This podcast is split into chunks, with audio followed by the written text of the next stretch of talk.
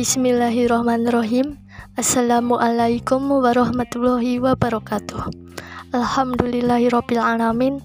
Assalatu wassalamu ala asrofil anbiya'i wal musalim sayyidina Muhammadin wa ala alihi wa ajmain. Amma ba'du.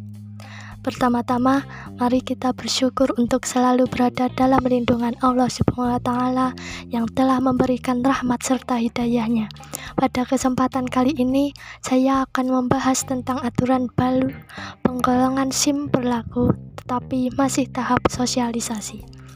Aturan baru terkait penggolongan surat izin mengemudi sudah berlaku di Indonesia.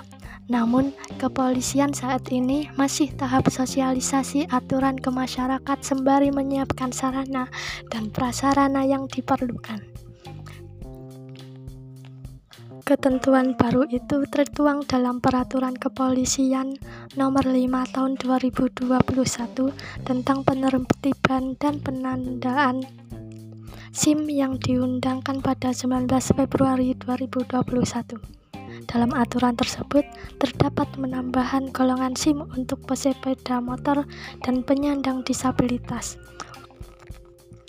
Untuk pesepeda motor, yakni C, C1, dan C2 itu dibedakan dalam kapasitas isi silinder. Bagaimana detailnya?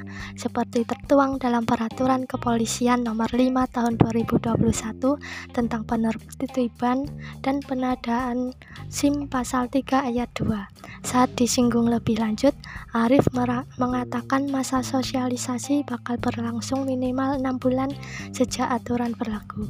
Di sisi lain, pelit tersebut masih beriringan dengan kelengkapan sarana dan prasarana.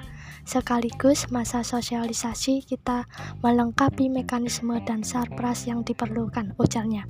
Sekian dari saya, wabillahi taufiq wal hidayah. Assalamualaikum warahmatullahi wabarakatuh.